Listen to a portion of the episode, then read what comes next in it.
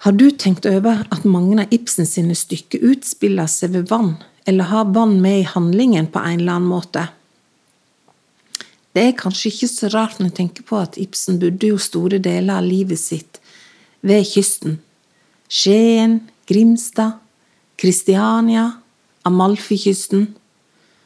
Og i 1887 da tilbrakte Henrik Ibsen og kona Susanna sommeren i Seby en liten kystby i Nord-Jylland. Og der skriver han brev til eh, forleggeren sin Hegel, og der står det at de gleder seg overordentlig til å få se havet igjen. Og i et annet brev fra samme sommerferie så skriver han at de var veldig tilfreds med utsikten. Det åpne hav har vi daglig for øye i umiddelbar nærhet.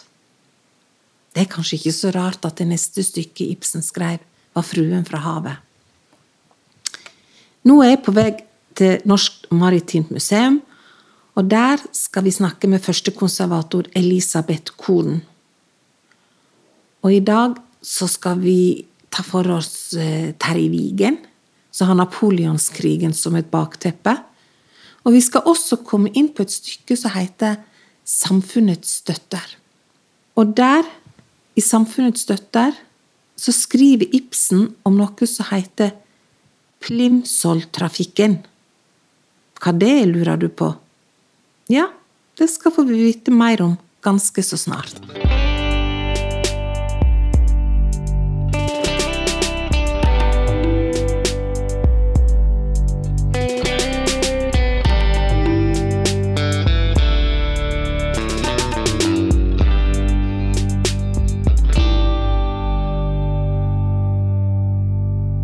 Det er så stas å få være her på Maritimt museum og treffe deg, Elisabeth.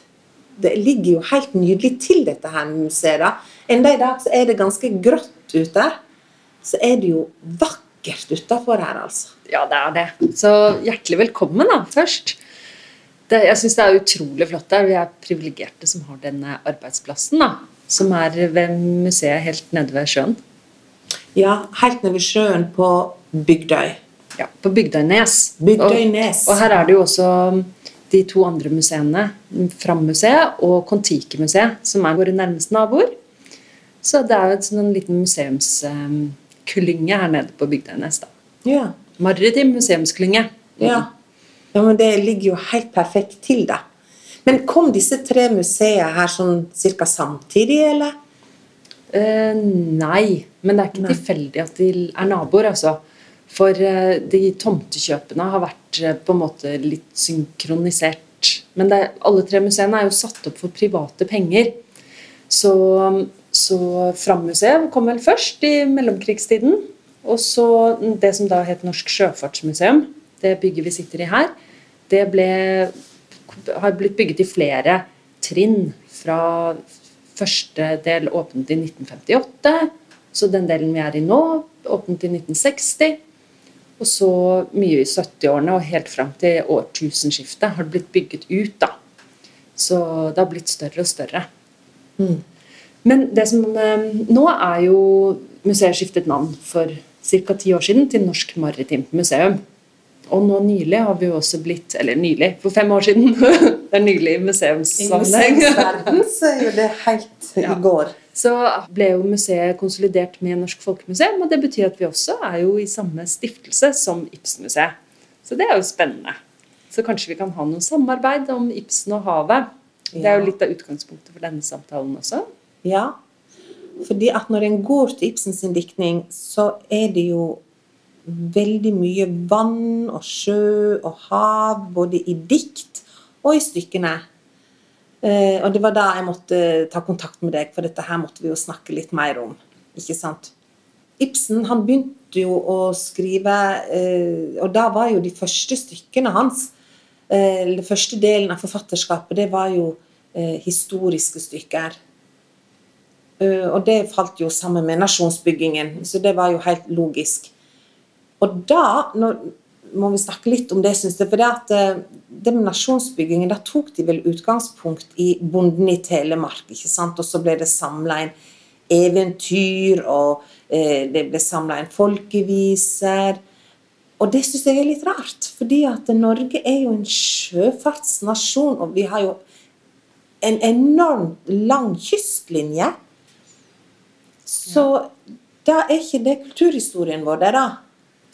Nei, det er litt uh, pussig, altså, det du tar opp. For det var tydelig at med disse nasjonsbyggingsprosjektene på 1800-tallet, så var det viktig å kanskje, kanskje, de tenkte at innenlandskulturen var liksom renere, på en måte. At sjøfartskulturen var mer internasjonal, mer preget av kontakt med omverdenen. Og dermed kanskje ikke like norsk. Men, um, men det er en tendens altså, til at mye av disse disse nasjonale symbolene man bygget opp da, var veldig preget av, eh, av en, altså et fravær av kyst og det maritime. Men Altså, det stemmer, men det er jo ikke hele bildet. For det var jo også Jeg mener jo at vi finner masse spor av eh, kyst og kystkultur og sjøfartshistorie også i den norske kulturen, den norske kulturarven.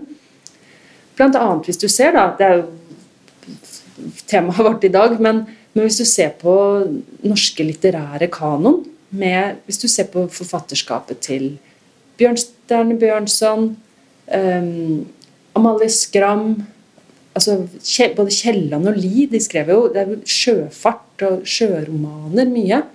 Så, så jeg mener at dette er um, Det at, at liksom kystkulturen ikke ikke er til stede i norsk kultur, det er en, bare en delvis en sannhet. I malerkunsten også, på noen av disse Altså Gude, som, som er kjent for en del av disse nasjonalromantiske maleriene. sant? Med blant annet, Det er jo hva er det brudeferd i Hardanger? Det er jo en, en kystscene. sant? Absolutt. Og, og Gude malte også mye, mye kyst- og havlandskaper. Var veldig opptatt av å male akkurat hvordan solens lyset liksom reflekterte seg i vannet. Det brukte han jeg tror 20 år av livet sitt på å studere og male og perfeksjonere. Ja, Det der er veldig spennende. altså Hva er det som har vært med å definere oss som nasjon? Men jeg bare tenkte akkurat nå da, at eh, hvis kystkulturen hadde vært um, tydeligere, da, for å si det sånn, så hadde vi kanskje uh, ikke Kanskje vi har hatt en litt annen debatt om hva som er norsk, og hva vi er blitt påvirka av. Hvis vi hadde hatt det der internasjonale mye nærmere oss enn eh, Ja, det var en digresjon. jeg vet. Nei, men jeg syns det er et veldig godt poeng, egentlig. Altså, når man tenker på gamle dager, så tenker man kanskje at folk levde veldig isolert og uten utenlandske impulser. Men i norske kyststrøk så har man jo nettopp drevet med handel og vært del av av liksom et helt sånn et større internasjonalt handelssystem. da. Se på i Nord-Norge med de store sesongfiskeriene og, og ikke sant, med, med torske, lofotfiske. Det ble jo til tørrfisk som ble eksportert til, til Sør-Europa. Hvor man fikk andre varer, varer, tilbake. Så det er klart at uh, mye av den liksom, norske, le, tradisjonelle levemåten den er jo avhengig av eh, Eller bygge på internasjonal handel, egentlig. Mm. Som da selvsagt gikk over, over, sjø. For på den tiden så var det jo van veldig vanskelig å frakte varer over land. Det var kjempetungt. Da måtte du bæres, eller det var ikke noen veier. Så, så, det enkleste måten å transportere ting på, det var jo over vann. For da kunne med båt var man mye, mye mer um, mobil over ganske lange avstander. Mm. Og da begynner jeg å tenke på diktet til Ibsen som han skrev i 1861 om Terje Wigen som ror over til Danmark for å hente tre tønner med korn. For det var hungersnød mm. i Norge da. Kan du si litt mer om, om omstendighetene Norge var i da? og og tror du, at, tror du, at, det har skjedd? Tror du at det har rodd en mann over? Ja, det var flere spørsmål. Um, um, hvis, altså, som du sa, så skrev Ibsen dette i 1861. Men handlingen den ligger jo tilbake til napoleonskrigene. Og altså, som Norge-Danmark var, var, med i fra 1807 til 1914. Sånn at dette ligger 1814, unnskyld. Ja, det var litt langt. Ja, det var fryktelig lang krig. Altså, det, ja, det ligger litt tilbake i tid. Eh, så det, fra 1807 til 1814. Sånn at da han skrev dette i begynnelsen av 60-årene, så var, var, dette hendelser som lå omtrent eh, 50 år tilbake i tid. Så det var jo en historisk framstilling. Dette var jo ikke noe han hadde opplevd selv. Eh, men det var på en måte likevel i manns minne, kan man si. Tenk, eh, altså Andre verdenskrig er det jo, ligger jo enda lenger tilbake i tid nå, men det er jo liksom noe vi føler vi har, har eh, med oss likevel. Mm. Eller 50 år tilbake. Ja, det er, for meg i hvert fall. Det er, ikke, altså det er 1970, det. I ja. dag, ikke sant? Altså, han legger dette, handlingen i diktet til, til en fortid. Um, og det var jo en periode da, da Norge var, um, var, i krig. For um, napoleonskrigene og Norge-Danmark ble tvunget på en måte over på fransk side. Så Norge var krig, altså da på den andre siden av krigen enn det Storbritannia var. For det var først og fremst Frankrike mot Storbritannia. Og vi var da på, på fransk side i denne konflikten. Og for Norge hadde det veldig store konsekvenser fordi at Storbritannia da blokkerte handelen på Norge. Patruljerte i Nordsjøen for å hindre skip å gå til og fra Norge. Og for den norske økonomien så var det veldig, veldig problematisk, fordi at vi er ikke Det er en del varer, altså særlig korn, som Norge egentlig aldri har vært helt eh, selvforsynt med, men som må importeres. Samtidig så var det uår i flere av årene under, under krigen, og resultatet var jo hungersnød i Norge. Det var flere år hvor det faktisk døde mennesker av sult i denne perioden. Og Det er jo et nasjonalt traume, egentlig. Og mye av det som hendte under den krigen, la jo også da grunnlaget for det som skjedde i 1814 med den norske grunnloven, og, og, og at, at unionen med Danmark ble brutt. Så dette er jo egentlig en sånn veldig sånn kjernefortelling, da, også i den norske historiefortellingen. Mm. Um, og også liksom nasjonale selvbildet, på en måte. Men det er i hvert fall settingen. Og så det bakteppet for da historien om Terje Vigen, som er et uh, veldig personlig, personlig drama, kan man si. Det er jo der, der, der, egentlig handlingen foregår, er jo veldig på det indre plan også. Vil du ikke si det? Og veldig. Og det er jo et dikt, i hvert fall jeg, jeg har jo hørt andre som har kommet på Ibsen-museet, si jo det at når de leser Terje Vigen, så må de gråte.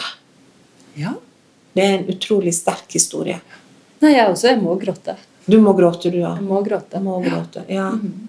ja. For det som skjer, er jo at Terje Vigen han er en sjømann. Ikke sant? Da han var ung, så var han en sjømann. Og så får han eh, barn, hustru og barn.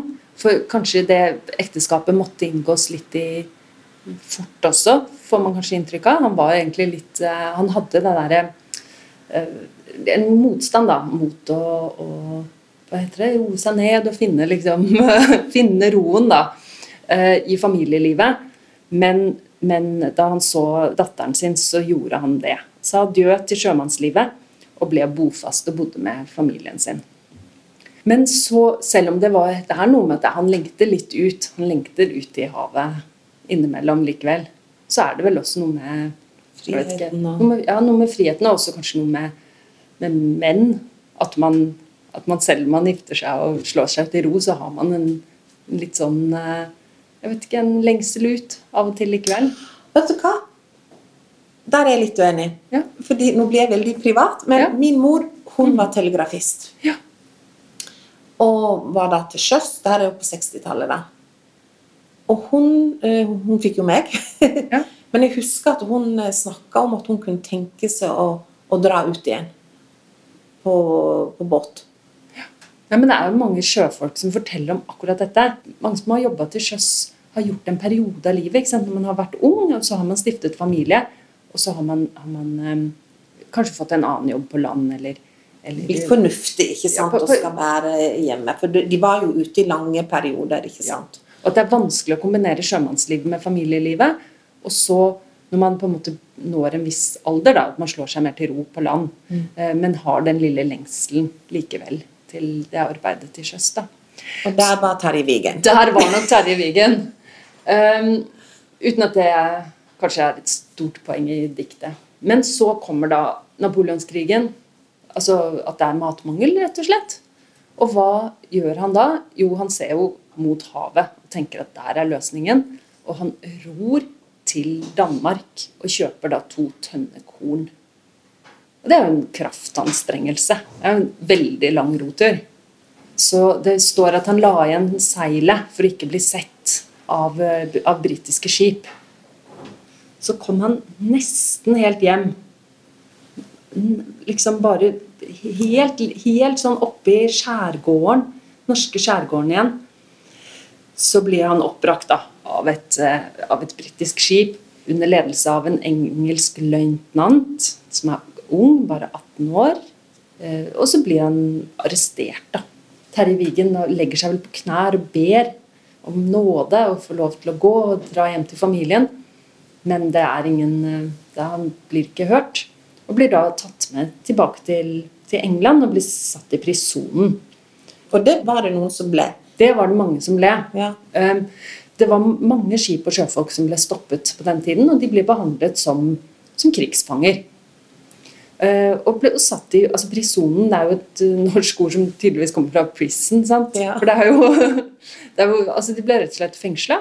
For Storbritannia de hadde jo ikke så mye fengselsplasser da krigen begynte, så de brukte masse gamle, utrangerte skip som uh, fengselsskip, rett og slett.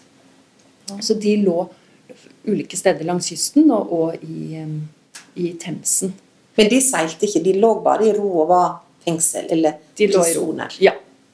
Så, og det var rundt 5000 norske sjøfolk som satt i prisonen i løpet av disse eh, årene. Så det var ikke få. Og mange av dem omkom også. Fordi at det var, mye, det var lite mat, mye smittsomme sykdommer, eh, trangboddhet og dårlige, veldig dårlige kår. Og, og jeg har også sett at hvis noen prøvde å rømme, så ville man bruke liksom og nedsatte rasjoner som en sånn kollektiv straff. ikke sant? Det var veld, veldig dårlig med mat. Og da er det klart at da, da blir man veldig sårbar for sykdom. Men Terje Wigen, han kom seg hjem, da. Ja. Han ble hentet, reddet og seilt over av et svensk skip og kom, kom hjem. Men det, det er jo det som er så, så um, forfer ja, forferdelig trist, er jo at når han kommer hjem, så er da både kona og den lille datteren de er døde. De har ikke klart seg uten, uten ham som forsørger, og uten det- kornet som han da rodde for å skaffe dem. Så det er fryktelig vondt. Ja. ja. Nei, det, det var helt livsnødvendig, de tønnene med korn. Men livet går jo videre for Terje Vigen. Det gjør det. Han begynner som los, Mhm. og en dag ja, så går det nok ganske mange år. Um, men en dag det er fryktelig uvær, og det er et skip som ber om los, og han drar ut. Og så viser det seg at på den båten så er det den engelske løytnanten som den gangen ikke hadde ikke benådet ham. Så de møttes igjen. hevnens time. Ja, det er jo på en måte en sjanse da, til å ta en hevn. For han er ikke der alene. Han er der da også med sin hustru og sin datter. Plutselig så er jo da Terje Vigen i en situasjon hvor han har liksom skjebnen til denne familien i sine hender. Sant? Og han blir også sint og og han truer vel å liksom ikke redde dem, eller bare rett og slett drepe dem. Han er jo på vei inn i, i det der hevn, og nå skal du få igjen, ikke sant? Og så ser han denne dattera, som minner veldig om hans egen datter. Har ikke de samme navn nå? Anna? Det er det de har. Ja. Og da snur det. Og da snur det. Da tar han seg sammen, rett og slett, og sørger for at skipet kommer trygt i, i havn. Og da faller han vel mer i ro. Ja. med seg selv etterpå også, på en måte, i forhold til å håndtere det tapet han har hatt. For det er jo en veldig sånn sterk ydmykelse, egentlig, i det at han ikke sant? Han gjør en veldig sånn kraftanstrengelse, et stort vågestykke, egentlig, i å, å, i å ro over for å hente det kornet.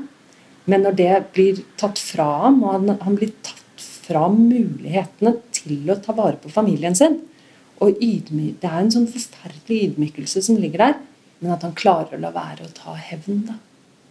Det er måte. stort. Det er stort. Og det er forferdelig rørende skrevet. Ja, det er det.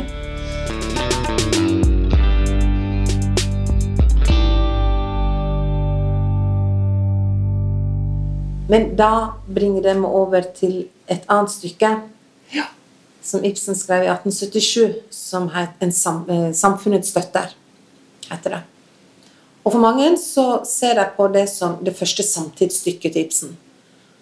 Og her er det så mange innfallsvinkler vi kunne tatt, men vi er jo her på eh, Maritimt museum, vi snakker om havet, og da må vi snakke om eh, Bernik, eh, som er sjefen i byen. Han er en forretningsmann, han har skip, og han blir sett på som et veldig moralsk menneske.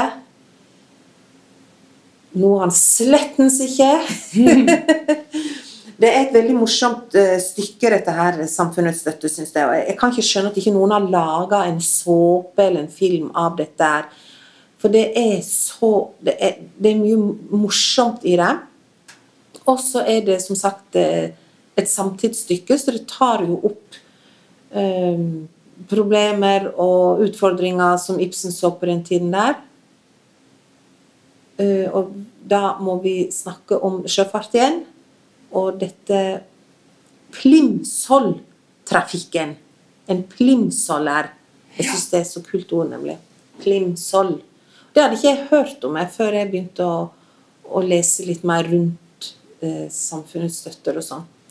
Hva er en plimsoller, Elisabeth? Jo, altså en plimsoller er jo et eh, skip som er i veldig dårlig tilstand, eh, og som egentlig ikke er sjødyktig, men som den som eier skipet, likevel klarer å tjene penger på. Og det gjorde Bannick. Bannick hadde et sånt skip, og han eh, vil tjene penger på det. Altså for dette stykket kom jo da i, i um, 77, og den norske sjøfarten på den tiden ble drevet relativt forsvarlig. Men internasjonalt så var det et problem med, med skip som rett og slett var veldig ikke sjødyktige, og som utgjorde en, var en utrolig farlig arbeidsplass for eh, sjøfolkene. Senere så var dette også et problem på den norske flåten. Men eh, hvis vi holder oss til 1870-årene først, så var det en som het Samuel Plimsoll. Det er jo da han dette ordet har kommet. Han var en britisk politiker. Altså, okay. ja. Og han var, var, syntes det var forferdelig å se hvor stor risiko mange sjøfolk ble utsatt for, og hvor mange sjøfolk som omkom. I forlis, rett og slett, av at skipene ikke var trygge. De var eh, Altså, de kunne være råtne, dårlig sikkerhetsutstyr. Ikke sant? At de, at de var lastet med for mye. De var lastet for dypt. Sånn at de lå for veldig tungt i vannet. Sånn at hvis noe skulle skje, sant, så var de vanskelig å manøvrere, eller at de lett også da gikk ned. Eh, han var opptatt av dekkslast. Hvis man hadde mye last på dekk, som da også kunne Hvis det var uvær, så kunne det forskyve seg, så ble tyngdepunktet på skipet helt feil. Og da også at det lett forliste. Så han førte en kampanje. Han skrev en bok som het Our Seamen. Og han ble også valgt inn i det underhuset i det britiske parlamentet på et program for å bedre sjøfolks arbeidskår.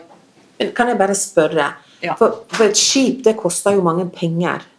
Hvorfor i alle dager ville rederen eller eieren av skipa sende ut skip som ikke var sjødyktige? Da ville de gå ned. Ja, Hvordan, eh, det er jo dårlig butikk, syns jeg, da. ja, ja. Så, så, og det var nok en av grunnene til at dette ikke var mer utbredt enn det var òg, da. Okay. Men uh, samtidig så var det jo nettopp Dette var jo by- liksom uh, Man hadde jo forsikringer. Og dette var jo liksom Jeg tror dette også dreide seg litt om, om uh, forsikringens barndom. At, man, at det rett og slett var litt forsikringssvindel. At man, hvis skipet gikk ned, så satt ikke eieren med noe stort tap. Man fikk økonomisk kompensert. Samtidig så var jo sjøfolks liv ikke noe verdt. For de som drev skipene, de trengte ikke å betale noe erstatning eller sørge for de etterlatte eh, dersom eh, skipet gikk ned. Det var faktisk sånn at hvis et skip eh, forliste i Norge og Sånn var det fram til langt ut på 1900-tallet. At hvis et skip forliste, og sjømannen da overlevde, så fikk han jo da bare hyre, altså han fikk bare lønn fram til skipet forliste. For etter det så jobbet han jo ikke. Så hvis han da ble reddet og, og overlevde og kom seg i land og kom seg hjem, så, så var han da, sto han uten inntekt til han, eh, til han da eventuelt uh, mønstret på et nytt skip. da. Ja. Så det var, det var en annen verdsetting av mennesker, rett og slett. Av de som bemannet, eh, de som jobbet på skipene. Så, men dette med forsikringssvindel var altså, Jeg kaller det svindel. Det var, var, ble vel ikke kanskje sett på det, men, I dag vil vi se på det sånn. Ja. De sendte ut skipet så enten gikk skipet ned, og de fikk penger, eller det kom fram, og de fikk penger for varene. Ja. Ja. Sånn at det var jo også disse, disse, disse klasseselskapene som, som eh, vurderte eh, skipene med tanke på, på forsikring, som etter hvert som var en veldig viktig aktør for å få mer sjøsikkerhet. Også undersøkte skipenes sjødyktighet bedre i forbindelse med forsikring. da. Så de var viktige aktører, men også Samuel Plimpson var en veldig viktig aktør for å sette sjøfolks eh, rettigheter og situasjon på kartet. Og han var opptatt av to ting. Han var opptatt av at man ikke skulle Altså forbud mot dekkslast. For som jeg sa, hvis den lasten på dekk begynner å forskyve seg, så, så blir, det, blir eh, balansen i skipet veldig eh, feil. Og han var opptatt av at, at skipene ikke skulle overlastes. Fordi at det er klart, når du har et skip som skal gå fra A til B, så jo mer varer du klarer å stappe inn i det skipet, jo mer penger tjener du. Så det som han foreslo, og som ble en lov i Storbritannia i eh, 1876, det var et såkalt Plimsoll-merke. Vet du hva det er? Nei. Nei. Det er et sånt lastemerke som er på skroget til, til skipet. Men du har sikkert sett det. Hvis du har sett det på alle skip, så er det sånn litt sånn mystisk tegn som man ikke skjønner helt hva er. Det er noen streker og en runding. Og det er altså et merke som viser hvor dypt skipet kan lastes. Hvor tungt kan det lastes, sånn at når det kommer til den streken, så skal man ikke laste dypere. Og det er klart, Når alle skipene hadde de samme reglene for dette, da ble det ikke så mye var ikke fristelsen til å overlaste så stor. Da, da var det jo liksom like regler for alle. I Norge så ble også sjøsikkerhet veldig debattert på slutten av 1800-tallet. Litt senere enn dette, egentlig, men rundt eh, 1890-årene var det fryktelig mange sjøulykker. Mange sjøfolk som mistet livet, og veldig mange skip som gikk ned. Og Myndighetene tenkte at dette må man gjøre noe med, og de satte ned flere utvalg som skulle foreslå ny lovgivning. Men det var veldig vanskelig å få en ordentlig lovgivning og bli enige om hva man skulle gjøre. Og Grunnen til det var at man var veldig tilbakeholden med å legge begrensninger da, på sjøfarten. Man tenkte at næringslivet bør være fritt og, og operere selv, og, og at myndighetene skulle komme med hindringer for den frie sjøfarten. Altså De som eide skipene, det var jo deres skip, de burde få gjøre som de ville. Og at de selv visste hva som var best, og hvordan man best tjente penger og best drev skipsfart.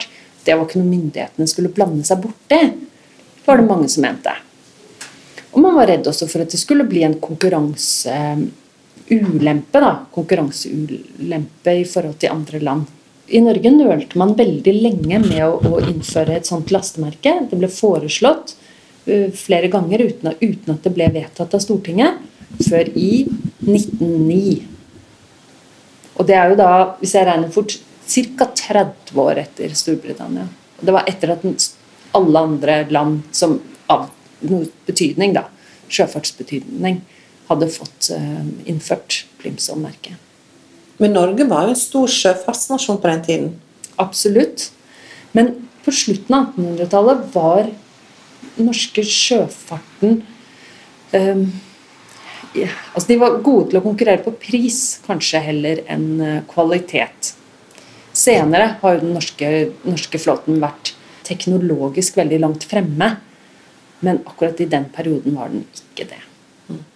Og det er dette her da Ibsen tar med seg inn i samfunnets støtter.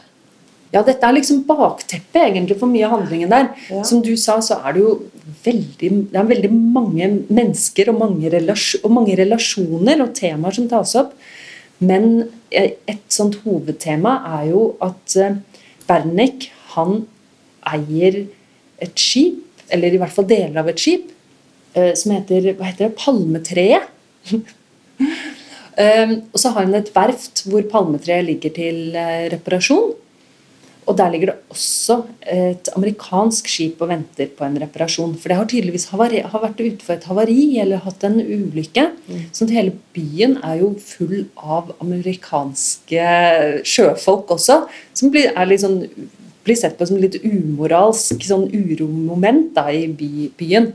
Så det er mange grunner til at det er mange som ønsker at um, dette amerikanske skipet som heter Indian Girl, skal bli eh, klar, sjøklart og kan forlate byen. da. Men når de skal reparere det, så oppdager de jo at eh, denne kjø, kjølstammen, eller altså liksom hele kjølen, som er liksom, liksom hele sånn hovedkonstruksjonen nederst i skipet, er jo pill råttent. Da er det at um, at de eierne presser på at skipet må bli sjøklart snart. Og Badnik, som er hans, på en måte eier dette verftet, han presser sin Altså lederen for det verftet til å Han sier at ja, men skipet skal være sjøklart om to dager. Det må det være. Ellers mister du jobben. Hvis ikke så mister du jobben, ja. Da blir det på en måte bare Denne råteskaden blir da bare skjult og ikke ikke, ikke, reparert, men skjult. For her er det mange, mange interesser. Eh, først og fremst de som eier Indian Girl, så klart, men også Bernik har mange grunner til at han ønsker det skipet av gårde fort. Og også er det vel et press i byen om å få disse, disse amerikanske sjøfolkene uh, vekk, da.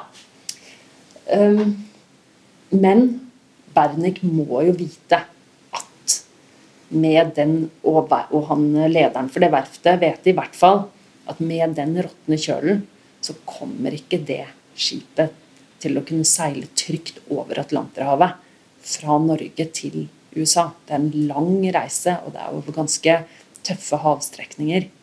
Og hvis de skulle komme utfor en storm, så ville de være i, ha veldig dårlige odds til å overleve, alle de om bord. Men skipet går?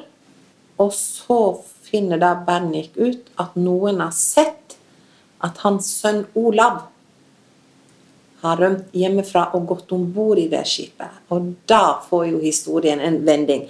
Men vet du, dette her må dere bare lese, eller gå på et teater som setter opp, for det der er, det er et veldig eh, spennende stykke. Hvordan det går, det kan ikke vi si noe om. Men det er jo interessant da, at, at, Ibsen valgte dette med sjøsikkerhet som en sånn, et element. Jeg tror han visste noe om det. Ja, Det er jo helt åpenbart. Han må jo ha gjort det. Um, dette var jo et tema i tiden. Og han Plimsoll var jo var veldig kjent. Han hadde jo besøkt Norge på et tidspunkt også. Det hadde visst gått sånn fakkeltog til, til ære for ham. Dessuten så, også Dette var jo et tema som ble skrevet opp mye i avisene. Og det, Jeg har sett noen at det har blitt spekulert litt i, for det var nemlig en lang, lang artikkel om sjøsikkerhet og om Plimsoll, og den var, var det i Morgenbladet at den sto ved siden av anmeldelsen av 'Keisere og galileer', og at, eh, som da Ibsen hadde skrevet. og Antagelig var han jo interessert i å lese eh, anmeldelser av sine egne verk. da, At han da kanskje, at hans blikk kan ha da gått å sette på den eh, artikkelen som sto ved siden av i avisen også. Og Ibsen sa jo det. Jeg leser ikke bøker, jeg leser avisen. Så da bygger jo det bare opp under det var der han fant inspirasjon til sine stykker.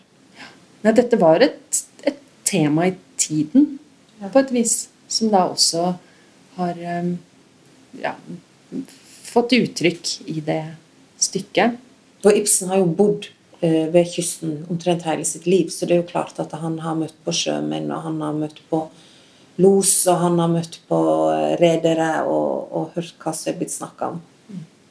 Sist jeg var her, Elisabeth, da viste du meg eh, ei klokke. Ja. Det, ja. For som du sier, så Ibsen hadde jo, han hadde jo kjennskap til sjøfarten. Og han kommer fra en slekt også som drev med sjøfart. Han kommer fra kapteinslekt ja. i Skien. Og den eh, klokka som jeg viste deg, det var fra et skip som het Caritas. Og Caritas forliste i november i 1797 i en, eh, i en høststorm, eh, og alle om bord. Det var 16 om bord, og alle mistet livet. Blant dem kapteinen, som da også het Henrik Ibsen, og som var bestefaren til vår Henrik Ibsen.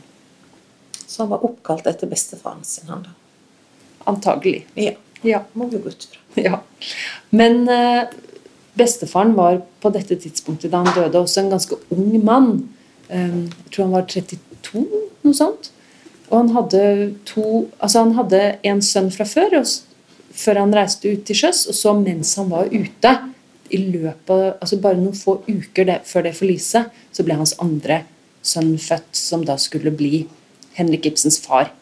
Um, men han møtte jo aldri faren sin pga. det forliset.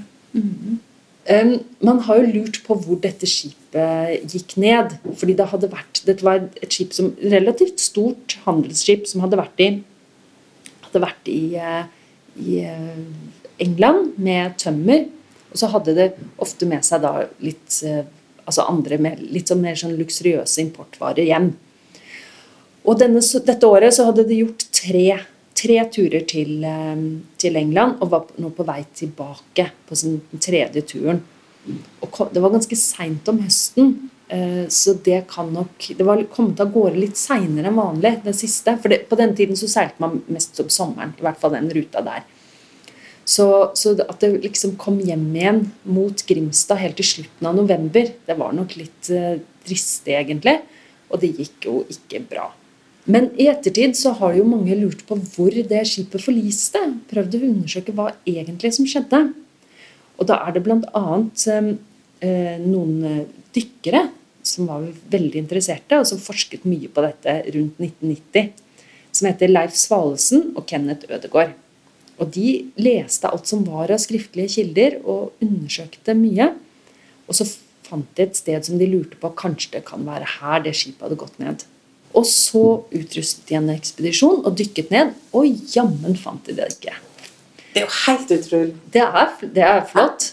Også, men så ligger det jo, er det jo sånn at det ligger mange skip langs norskekysten. Det, er jo, det er jo en historie av dramatikk og, og, og, og, ulykker, egentlig. Så de var jo ikke sikre på at det nødvendigvis var akkurat det skipet. Men så fant de skipsklokka. Og da var de sikre. For på det så står det Caritas fra Skien 1760, som da var byggeåret til det skipet. Så da var de helt sikre på hva de hadde funnet. Og så sto også navnet på en, en britisk sånn støperi da, som hadde lagd den klokka. Produsenten, liksom. Mm. Så da er den Den klokka er jo kommet på plass igjen i Grimstad. Vi må jo si det at originalen er i Grimstad, og så er det en veldig fin kopi her. Ja. ja. For når det gjelder, eh, når det gjelder um, skipsfunn under vann, så er det jo Norsk Maritimt Museum som har forvaltningsansvar for det. Så da de dykkerne fant det skipet, så, så tok de jo kontakt med Det er jo ikke lov å ta opp ting fra vrak så uten tillatelse. De hadde jo et, allerede før det også et veldig godt samarbeid med museet, og tok kontakt med, eh, med det som ja, Norsk Sjøfartsmuseum. Og og fikk da tatt opp den skipsklokka. Vanligvis så lar man vel hovedsakelig eh, gjenstander ligge fra, fra vrak og bare dokumenterer det. Men nå, i dette tilfellet, så var det riktig å ta opp den klokka. Og den er da på, ja, som du sa, på Ibsenmuseet i Grimstad. Men man kan jo også tenke da at denne, dette forliset det var jo omtrent i samme så Det er jo i samme skjærgård og samme område som handlingen i Terje Vigen. Ja.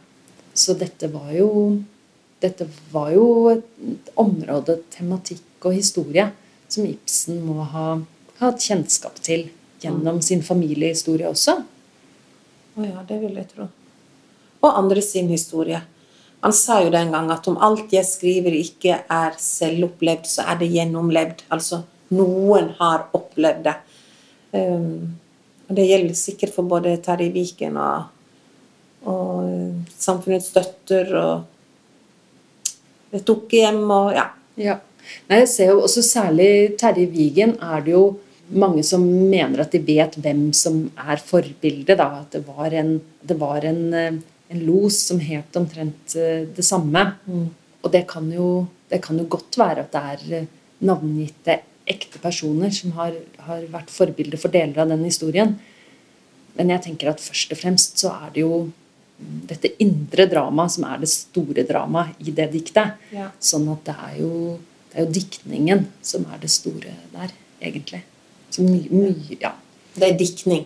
ja. Ja. Og det er jo disse, fø, det er jo disse, disse mm, følelsene og den indre kampen som jeg leser som hoved, hovedtema i det diktet. Mm. Og det er jo kanskje mer allmennmenneskelig egentlig enn knyttet til, til spesifikke personer sånn sett, da. Ja. Hvis du skal sette deg ned med et Ibsen-stykke da, og lese, hva for et stykke vil du ta ut av bokhylla da? Jeg husker jo på, på videregående leste vi jo 'Fruen fra havet'. Og der er jo også havet viktig. Oh, ja. Det husker jeg gjorde, det gjorde veldig stort eh, inntrykk på meg den gangen, i hvert fall. Og jeg har sett det, sett det senere også. For det er jo Ja, der er jo, får jo havet mer Kanskje litt mer sånn symbolsk rolle, med at det er den friheten og det For der, der er det jo hovedpersonen Det kommer Denne mannen, da. Hun, hun sier om ham at han har Hvis jeg husker riktig han har øyne som havet, som både lokker og skremmer. Det er sterkt, da. og gjorde vel inntrykk på en, en ung jente da òg, da. Men, eh, men det handler jo mye om, mye om ja, frihet i ja, frihet i kjærligheten også. Det, først og fremst det stykket. Vil du si det? Ja, Samfunnsstøtter har jo en, kan jo si såpass at det er jo en eh, lykkelig slutt i samfunnets støtter. Det, det er det jo ikke ofte i eh, Ibsens sin diktning. Og, og, og, og Fruen fra havet har vel òg det som har mest happy ending hos, eh, i et Ibsen-stykke, da. Alt etter hvordan en ser det, så eh, Jeg syns det er et flott stykke. Jeg gjør det. Alle overlever i hvert fall. Alle overlever, og det her med valg, ansvar og frihet blir jo veldig tydelig i dette stykket. Det er jo det Elida får. Hun får velge i frihet, og da kan hun ikke forlate mannen sin. Ja. Men tusen takk for at vi fikk komme hit. Det var kjempekjekt at du kom. Veldig morsomt å eh, få denne vinklingen på Ibsen sine stykker. For det som du sier at det, kan bli mye symbolikk og, og sånt, men her er det jo så rotfast også. Og så kanskje finne ut litt mer hva som inspirerte Ibsen. Det kan vi jo av og til lure på. Nei, for han levde jo i et samfunn som vi begynte med, da, det, som var vel, hvor det var mye sjøfart. Det var en viktig næring. Og hvor den sjøfartskulturen må ha vært Det er ikke rart at det er til stede i arbeidene hans, for det var i det et ganske maritimt samfunn han levde. Mm. Ja. Takk for praten.